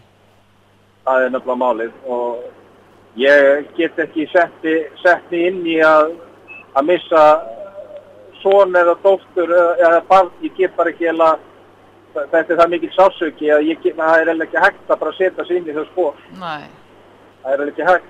nei, það er nefnilega málið. Það, og maður er alltaf eiginlega að, að spyrja sig örugglega líka sko hvað gerði maður rátt skilur það er líka alltaf það. Já, Það er alltaf þessi hvað þessi kalla ég veit ekki hvað maður að segja, skömm eða sko, eitthvað. eða einhvers konar sjálfsa ákvörðun sko, ef ég hefði, ef ég hefði sko, Já, nákvæmlega. Já, já, já. en uh, einhver uh, góð ráð sem þú vilt gefa í sambandi við þetta þú ert búin að finna fyrir svona reyði og, og annað eitthvað sem þú vilt svona koma á framfæri Já, það er engungu hægt að tala um reyðina, annarkvort tala maður um reyðina við fjölskyldu eða játvel bara að leita sér aðstofa hjá sálfræðingi, það sem ég gerði. Já, Ég leitaði fyrst náttúrulega til fjölskyldunum og fekk enga þannig að aðstofa þannig að ég leitaði til sálfræðing og það, það hjálpaði mikið til. já, Þannig að, þannig að eins og ég segi, þetta er, jú, jú, maki, hann getur oft líka skilir og hjálpað líka mikið. Þannig að, en það er, en stundum, stundum er bara sorgin það mikil að maður þarf að fá utan að koma til hjálp. já Það er bara oft þannig. Já, það er nefnilega getur líka verið mjög mikilvægt Já. þá að nær Já. umhverfið er náttúrulega alltaf mikilvægast Jú, jú, vissulega. Já, Það var nú bara þetta sem Já, ég ætlaði að koma inn á. þakka þér fyrir Herru, að deila þessu með okkur. Takk Já, fyrir. takk fyrir Já, gangið já, vel. takk. Já, já, Já, Takk, bless. Sjá hvað hann segir þessi maður sem verður sex ára gamall fyrir svona einelti Já, strax og hann finnur líka fyrir þessari reyði og, og stundum blossar upp hjá hann. ég hérna er alveg búin að fá minn skamt af reyði Já. og, og það er einhver svo mesta orka sem að fer í það að vera reyður og ég er svo fegin að ég er komin út úr því.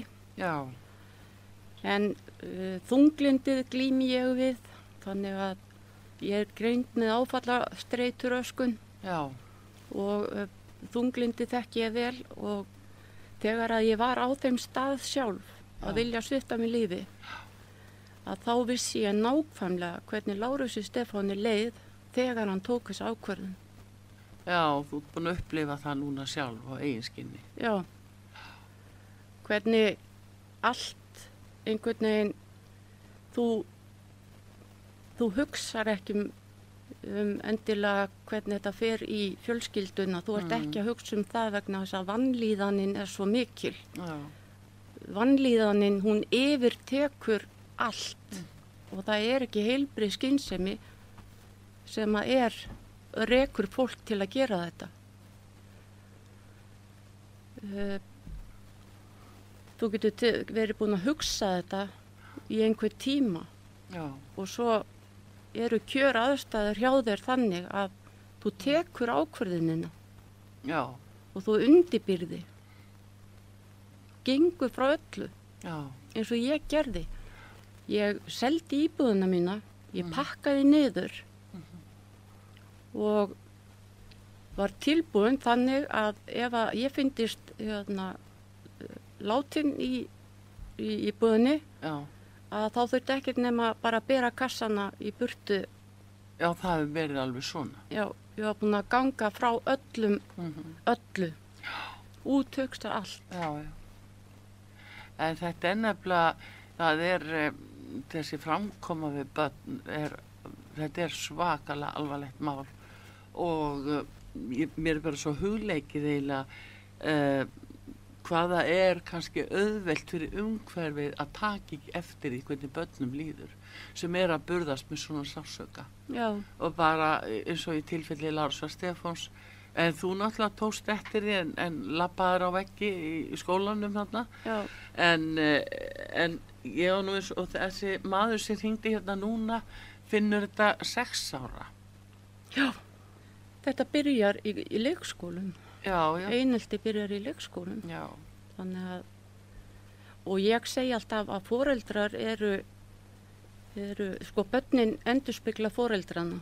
já, ég held það þau að, eru speilmynd heimilana Já. og líka sko það sem þau segja mm þau segja hlutina þegar þau heyra þá heima á sér hver ekki annar staðar. já, Þannig að sko fordómar Já. til dæmis, já, börnin endurspegla foreldrana ef að þau eru að sína öðrum fordóma. já. Þú heyrir þetta stundum og ringir heim til fólks og, og það svara barn í síman og þú kynnir þig. Og ég segi til dæmis já, uh, sæl og blessuð hérna, ég heiti Artur Karlsdóttir ég er að útvarpi sögu og ég er þá að spurja um, mömmuna eða pappan og þá heyrir maður hvernig barni svarar já, þú veist eða ha, þú veist eða já, sæl.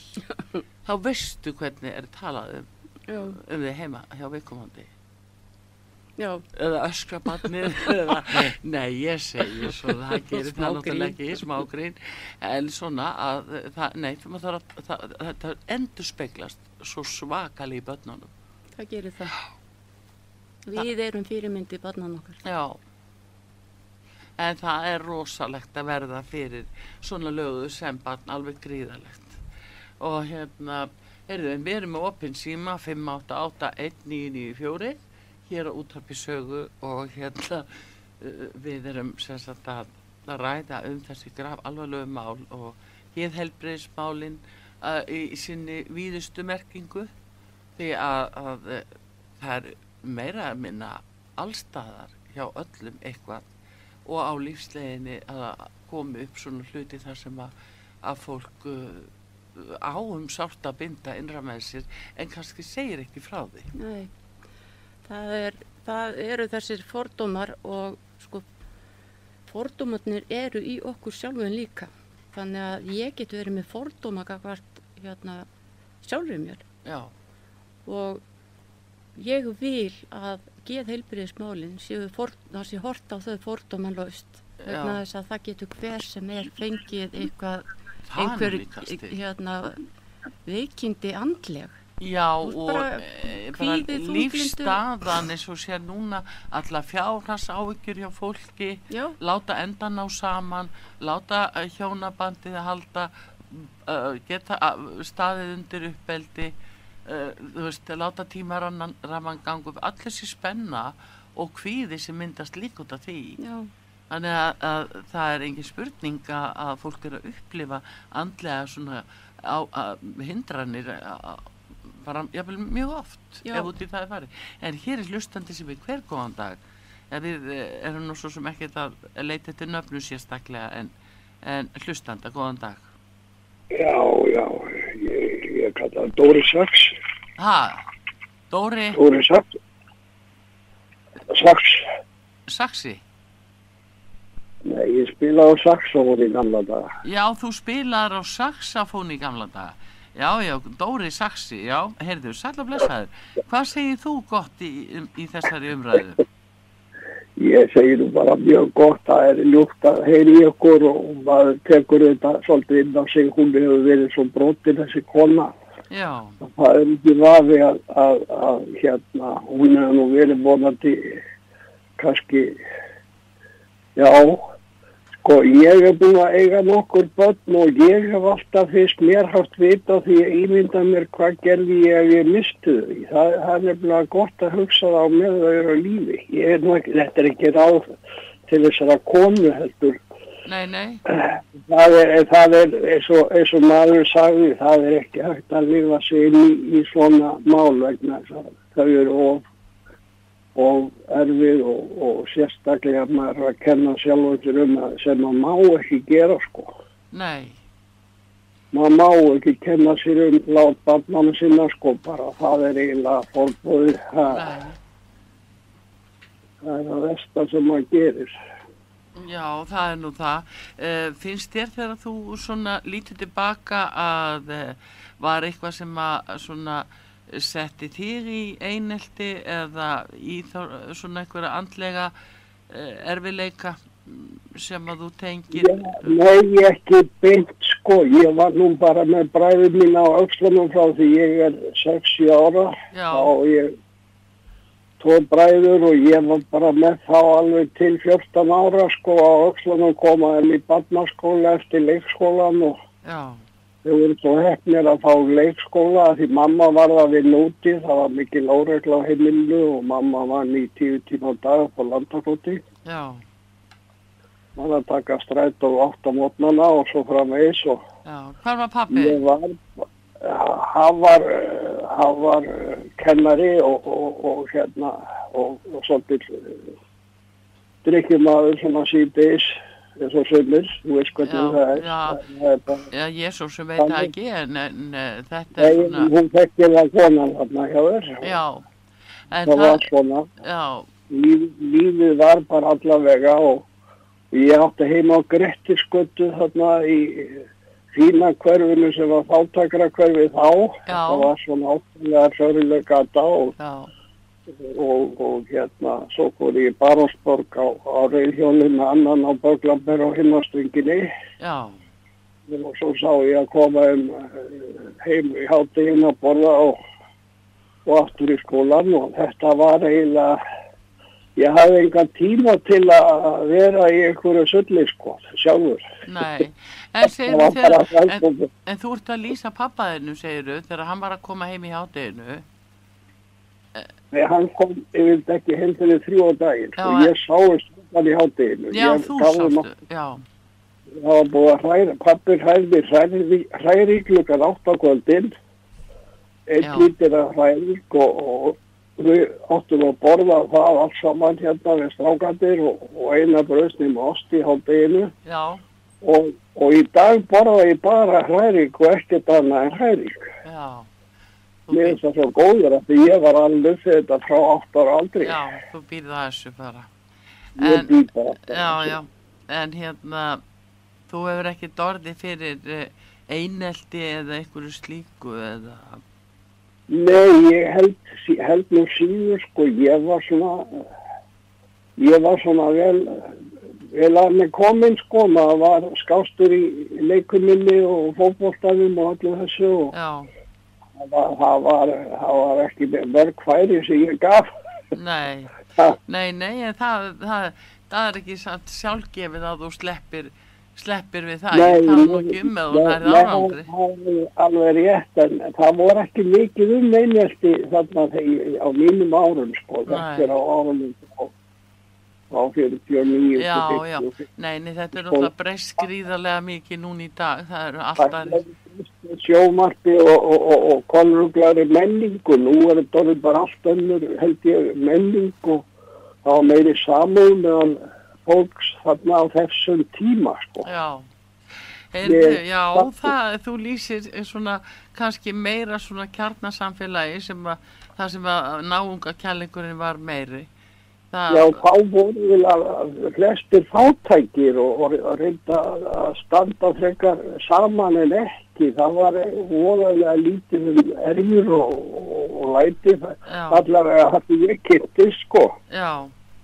Heyrðu, hvað já, var þetta er aðtílisvert, en takk fyrir að ringja, uh, Haldur, og hérna, Já, aðtílisvert að heyra. já, Dó, Dóri, sko. Já, Dóri, já, já. Dóri Saxafón, já. Já, þakkaði, fyrir. Já, Já, já, blessaður.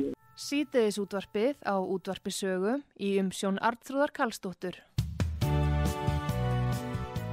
Já, það er svo nýmislegt.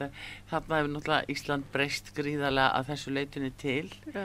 En það var samt, sko, ég vil nú að segja það að ég minnist þess nú til dæmis þegar ég uh, er að alast upp sig krakki að þá flutti ég sko frá Eyju, lítilli Eyju fyrir utan Ísland, Flatey og Skjálfanda og uh, það var nú svona, svona farið löngu farin í Eyði sko.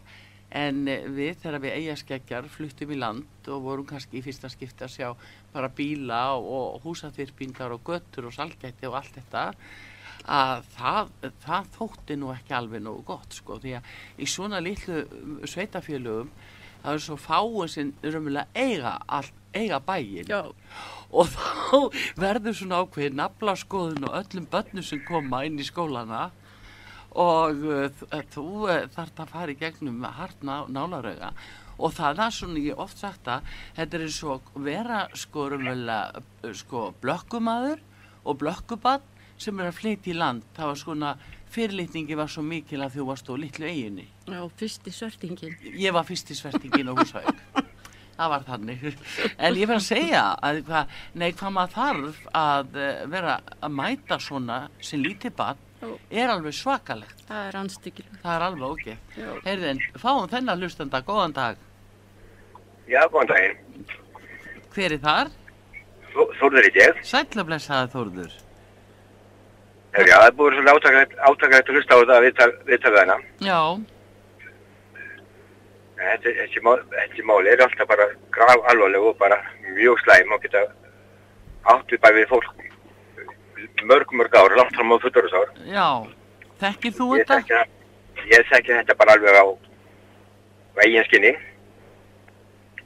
já, Bara, já, bara kom inn í einhverju skólagöngu og ég, ég kannast nú hans við þetta, þetta mál hennar. já, ég bý í Hafnafjörði og þannig ég vi- vissi af þessu máli þegar þetta var í gangi. Já, já, já, já, já, þannig ég þekkja, þekkja, þekkja þess til dæ- dæmisins. Já, en þetta er alveg alveg gráðlega að horfa á þetta að horfa upp á svona. Og ég er ekki þessu bara sex, við sex aldur í grunnskóla. Þú varst fyrir, fyrir því sex ára? Já, já, og bara alveg, alveg viðbjóðslu einhelti, það er bara, það er lýsingarnir er ógislega, sko, já. Hvað var gert Og- þig?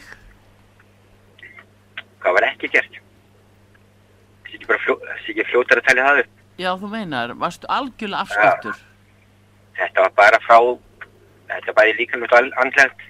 Já, Eh, það var bara smiðar andlegt það fekti í mér einu sinni. Vas uh, sendt út bref um, um, um friðaltið og, og mín aftaka var auglist þannig að þetta var viðbúður bara einn ein algjör algjör viðbúður sem er alveg gekk alla skólagönguna uh, fyrir undastuðu einu ári sem ég var í fórt og landi í, já, þannig að, að maður þekkir þetta alveg frá frá þarna fyrstættin Hva, hvað ert þú gammal fyrir ekki? Uh, ég er 70 ég er 72 mótil já, þú er 72 módel. Hérna, og Það- það þetta gerist, gerist allan grunnskóla, já, meira að minna, já. Já, og það, það sem er versta við þetta að skóla yfirvöld á Mm. þeim tíma uh, þegar var talað um þetta og var svona látið að vita að þetta var eitthvað var ekki alveg í lagi í skólanum. Já, þá sagði þessi ágæti skólastöri þetta er ekki, þetta er ekki rétt, þetta er ekki minn skóla. Það er já, bara, það mátt, það máttu ekki ræða þetta. Það máttu gera eitt, það. skipt, eitt skiptið þá er ég fótbrotinn og er á hækjum í skólanum. Já, og maður var nú ekki lótinu friðið þó að svo væri. E, svo var ráðast á með þarna eitt skipti áfangirum með hækjunum en ég ákvaði að nota hækjuna til að segja frá mér já, það var til þess að ég var tekinn í skólustur og svo var ég ekki heim já, en hún var bara að klappa á kollin bara líka að var velunaður sko gerandi. Þetta var bara sjálfsagt mál sko. Já. Þetta var, þetta þetta var fyrir brjóðal. En varst þú þá fyrir einhvers konar fordafum að halvu skólastjórnans eða? Uh, nei, það er bara, hann vildi ekki og ég veit, veit um kennari skólan sem að gaggrindu skólan sem að fyrir þetta Já. En hann bara, hann var að vildi ekki, þetta mátti ekki ræða þetta, þetta var ekki hans skóla, þetta, má- þetta var bara ekki til. Já. Ég- hefur svona mikið. Alveg, alveg rosalega mikið, en ég tók því að það var enga aðstöð að fá einstæða frá, það var bara, maður bara alls stóða ekki. Já. Þannig bara strax ég var krakki þá bara fór ég þetta maður voru að byr, byr, byrgita rosalega mikið inn í sig sjálfur Já. en ég tók þá afstuð ríkala snemma og ég læði skilja ekki hans í dag Mm. Hvernig mér tókst að gera svona snemma. Og ég ákvað frá fyrsta, fyrst, fyrst hendi að líta aldrei á þess að gera sem einhverja óvinn þetta var bara þetta bara var og þess vegna hef ég aldrei viljað tala um, um tiltekið fórnaram einheltis. Nei. ég vil, ég vil láta það taka það úr, það er neikvæmt maður lendir í, í þessu, þetta var bara lífsræð sem maður lendir í og það bara vinna með henni og vinna, út- vinna út úr því. En það, brestur upp alveg, ó, alveg ótrúðastu tími sem maður kannski, maður heldur maður sé búin að ná tökum á þessu, þetta er bara, þetta er bara búið Já.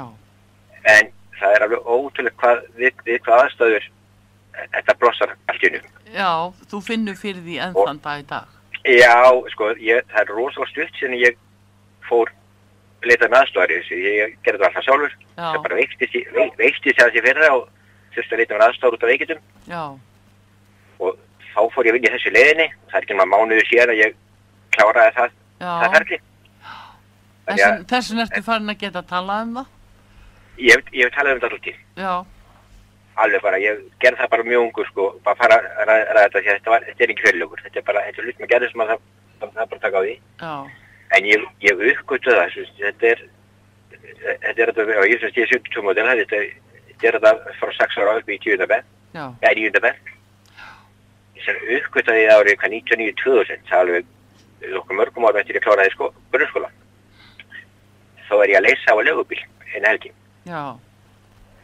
og ég fæ túr, svo því ég sé hvað, hvað maður að lappa út úr húsinu, það var gamli skólastjórinn, Já. þá kom einhver bara að blakka svo við bara, nei, þennan mann keiri ég ekki. Já. Ég sneri við, kallaði á stuð og sagði þetta var platur, ég get ekki tekið henni að varla. Já, þeir eru liðið svona illa. Þá ykkur að ég bara leiði sámaninn, ég sagði ég get ekki hugsað mér að hafa þennan, þennan mannin í bílhjöfnir. Já.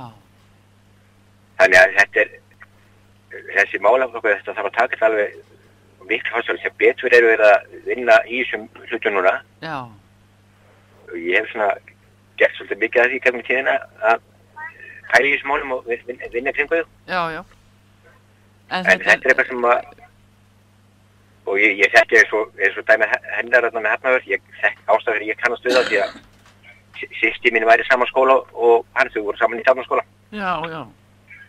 og þannig þess að þekki ég, veit ég að þessum dæmi Já. og er mitt fór úr úr öldnarskóla út af nákvæmlega saman. Var það? En, En, en, en svo vil ég taka, samt vil ég taka frá núna að breyti ekki núna, ég, krakkandi mínir eru í öldnarskóla Já. Þeir, þeir, eru búin að taka alveg hrikalega vel á málunum. Og, og það er unnið með mjög markvismið í dag þannig að þetta er alveg frábært hvernig vinnan á þessu dag. En á þessum tíma þá var þetta ekki nóg Nei, nei. Það er akkurat og það, það ber að fagna því þegar að veltækst til en það var nú einmitt að segja það á hún Ingi Björg að hún þegar hún var, að því að hún er kennari og þegar hún var í kennaranámi þá uh, valdi hún að taka þennan bekk sem að veitti þessu sko þannig að hún Og er nú ég- búin að fara að svo tuska til í þessu skóla sko og ég held nefnilega held að, að, að málið við myndum hjá sýstu minni og, og síni hennar Já, það var til þess að það var tekið algjör grettist það í að í skólun já það er nefnilega það unni markastíði og það er alveg bara og, og hvernig vinnan í þetta er í dag er alveg bara til fyrirmyndar sko. En, en alveg skelvilegt að þurfi að ganga svo langt til þess að hlutinni færa að skoða sko. alveg það það. En takk kjærlega fyrir að ringja og deila þessu með okkur. Og, Já, og, og, og bara gangið þér sem allt, allra verst og, Já, bara- hins vegar næst ef að skólastjórin byrði að, taka þið upp í bílinn. Og svo gera það upp fyrir hvað ætlar að segja við hann. En, Já, maður, svona, bara- maður komin, maður komin yfir þennan kappa núna, sko. Þetta kveitum að fyrir, hvað reyði var djúf, djúf sinni manni á sem maður gerum sér greið fyrir því, sko. Akkurat. Herðu, takk fyrir þetta kjalla, gangið er vel. Þetta, Já, já, gangu vel. Nei.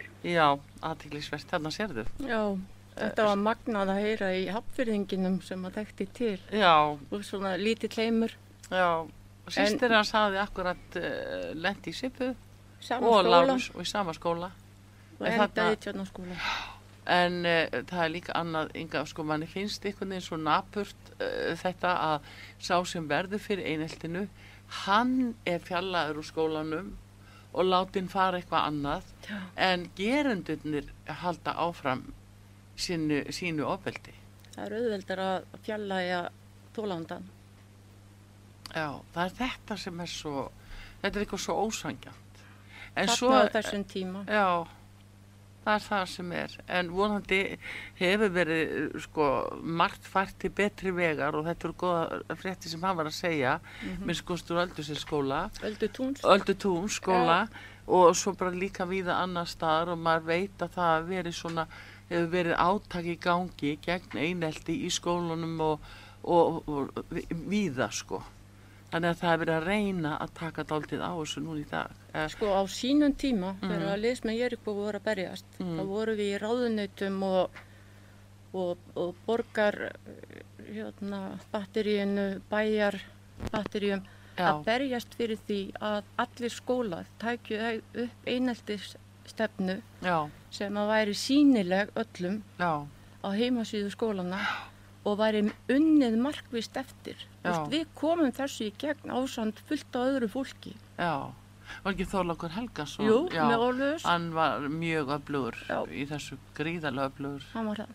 Og er, og hann er bara Já. magnaður. Já, e, frábært nefnilega að heyra á þessu að það, það er verið að gera með góðu fólki. En hér er hlustandi, við höfum einhvern tíma hérna til að taka aðeins fleiri eða taka eitt þarna til viðbótar. Góðan dag út að saga. Já, góðan sæl, Inga heiti ég, Sælublessu Inga. einingan. Já, já, gott nafn. Heyrðu, Já, hérna, þetta er ofsalega góðu þáttur hjá þér, þó hann sé sorglegur, já, takk. en hann er tímabær Já, og uh, mjög aðteklisvert margt sem hefur komið fram. En ég er svona svolítið eldri skólanum og e, á heima hérna vestasti vesturbænum já, og ég held að þessi ógeðslega heitt já, hafi byrjað í Camp Nox með Kúkus klan. E, við krakkarnir hérna, Já. hringbrutuna, í Vesturbænum, já, við löpum í gegnum Kúkus klan alltaf þegar við fórum í meðlaskólan og þar vorum við bara snöruð. Og bara hver sem er, hvort sem hann hafi vant álít á sig eða ekki, það var bara allir snaraðir. Þannig að kennarinn okkar, hann sagði bara þeim verðið að hætta að lappa í gegnum, gegnum Camp Nox. Já, Og ég veit, ég held að það hafi ekki fyrir, byrjað neitt fyrr, svona, svona ógísleit, sér ráðist á krakka. það er alltaf ekki gott að segja hvernig þetta hefur Nei, verið nei, hér. ég sko, svo sem- þetta bara allt í mjög, ég var að hlusta á þetta. Ég er svo heppið með mín börna, það er ekki þeirra sem hefur, Já, já, en það svona var náttúrulega svona fyrir kannski okkar tíða þá var nú meira svona litið og það voru svona tal, talað um niðursetninga og annað, þeir voru fá, Já. fátækt fólk var tekið fyrir og, og auðvitað urðu þeir fyrir aðkasti út af því.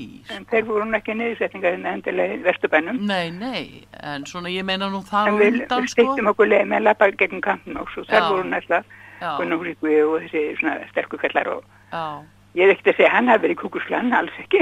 nei, nei, en en maður var áriðin hrættu við að lappa þetta í gegn þó að stýttum hann í leið. akkurat. Já, Þarna þetta er byrjaði bara- einhvern veginn svona- Já, allt byrjar einhvern veginn og svo er það náttúrulega eins og sjáum núna að nýja byrtingamyndin af uh, þessu ofstæki og, bara andlega ofbeldi. Það eru auðvitað inn á netsíðum og, og hvað þá Facebook og öðrum slíkum síðum það, það sem að börn þurfa að upplifa sko nektarmyndir af sjálfur sér sem er teknar í sturtunni. Já, það er ræðilegt. En það er mikið sko. atriði bara að börn og fóreldrar geta hugsað saman, geta Já. talað saman og hugsað saman. Hugsa í. Já, alveg bara frá Já. bara, unga aldrei eða þannig. Já, en og bara hérna fylgst með hvað börnin er að læra í skólanum. Já. Ekki bara að þau fara inn í herbyggi sitt og ég er að fara að læra. Skilu, Já, akkurat. það er bara Það- svo mikið aðrið að, að hérna, vera vinur barnannu sinna. Já, takk fyrir þetta. Já, Takk, einmitt, ok, já, en ég já, það endilega aftur að rósa fyrir góða þetta. Takk að þið kella. Því að það er sama um hvað við verðum að tala. Þú getur alltaf liftin á gott stygg. Já, takk fyrir. Takk fyrir. Björstu lít og björstu leðna. Já, já, tíu stig fyrir þetta. fyrir Já, alla þína já, þætti, bless, blessuð. bless. Já, það er mitt þetta, Inga. Það er þetta, mitt og þú kennarinn og móðurinn sem er búin að gangi gegnum þessa, þetta sorgaferli allt saman. Að uh, þetta samband á milli bars og foreldris. það hérna er svo dýrmætt Mm. og það er það sem að ég get iljað mér til dæmis alltaf við Mhm. að samband mitt við sinni mína Mm. var þannig að við kistum skoðan nótt og föðmuðust og svo aftur góðan dag Mm. svo var það bless þannig að við vorum óhrætt við að sína tilfinningar okkar gagvart hvert öðru. Já, og hérna að lappa móti strákonum og beint í fangið á þeim bara Já. til þess að faðma þá. Þetta ég, þe- þessi tilfinning hún bara er í mér, hún býr í mér. Þess vegna er ég svo þakklátt fyrir það.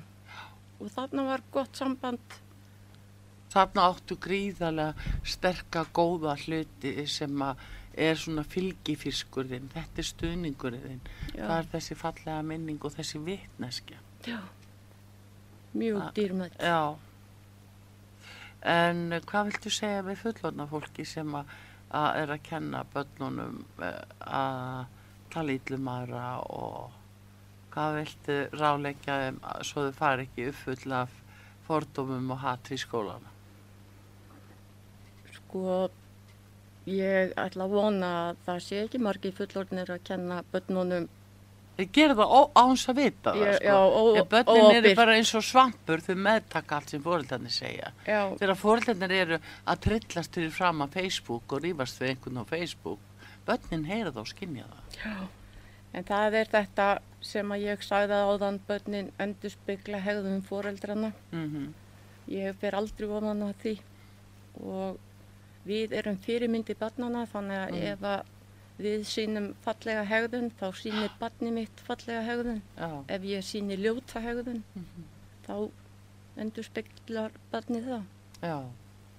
Það er nú máliðið að láta það eiginlega verða loka orðin en eh, svona í minningu Lárusar Stefáns og líka þá með kveðju til eh, Kristjáns Stefáns Stefáns fyrir austans uh, sonarðins og hérna og líka þinnar fjölskyldu, móðinnar og systur sem hafa náttúrulega reynstir vel já, og uh, hérna, og kvalist með mér já, þannig að uh, við viljum spila þetta lag sem þú valdi, það er Elska þig með mannakorn. Já, ég elska það. Látum það verða loka orðin að þessu sinni þáttur um geðheilbriðismál, góðu gestur hér Ingibjörg Helga Baldurstóttir kennari sem að varð eh, fyrir því áfalli að sonur hennar tók e- eigi líf 21 og skamall, raunverulega í blóma lífsins, reglusamur í kokkanámi og uh, lífið og framtíðið virtist uh, blasa við honum. En þegar betur var að gáð þá uh, mikinn sásöka innra með sér. Hann hafði orðið fyrir einelti sem virtist vera saklust til að byrja með. Tíu ára gamall í skóla, grunnskólastur í Hafnafyrði það var til dæmis verið að stríða hann á því að hann talaði norlesku þannig bara byrjaði það. En við skulum ljúka þessu núna. Þakkaði fyrir komuna Ingibjörg Helga. Artrúð Karlsdóttir þakka fyrir sig og við fáum mannakorn og lægið Elska þig. Takk.